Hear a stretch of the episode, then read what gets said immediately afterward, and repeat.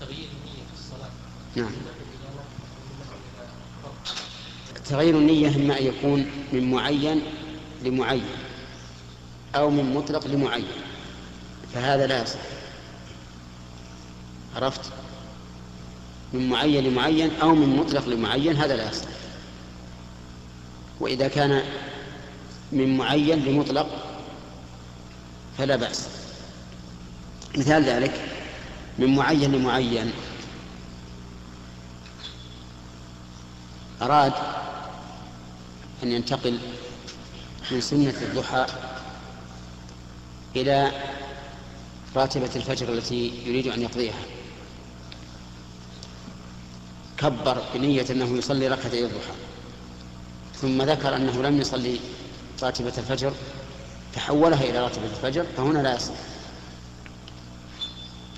لأن راتبة الفجر ركعتان ينويهما من أول الصلاة.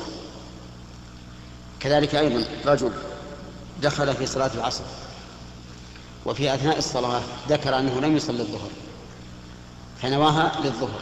هذا أيضا لا يصح لأن المعين لا بد أن تكون نيته من أول من أول الأمر. وأما المطلق لمعين فمثل أن يكون شخص يصلي صلاة مطلقة نوافل. ثم ذكر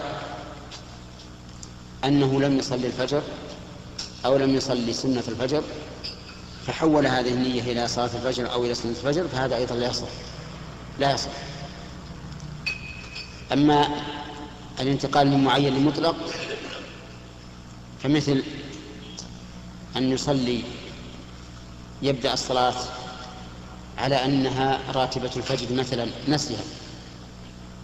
وفي أثناء الصلاة تبين أنه قد صلاها فهنا يتحول من النية الأولى إلى إلى نية الصلاة فقط. أو مثلا إنسان شرع في في صلاة فريضة وحده ثم حضر جماعة فأراد أن يحول الفريضة إلى نافلة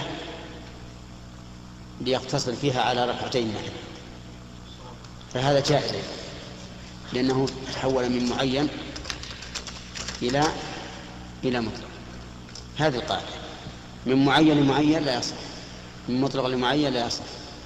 من معين لمطلق يصح. هنا.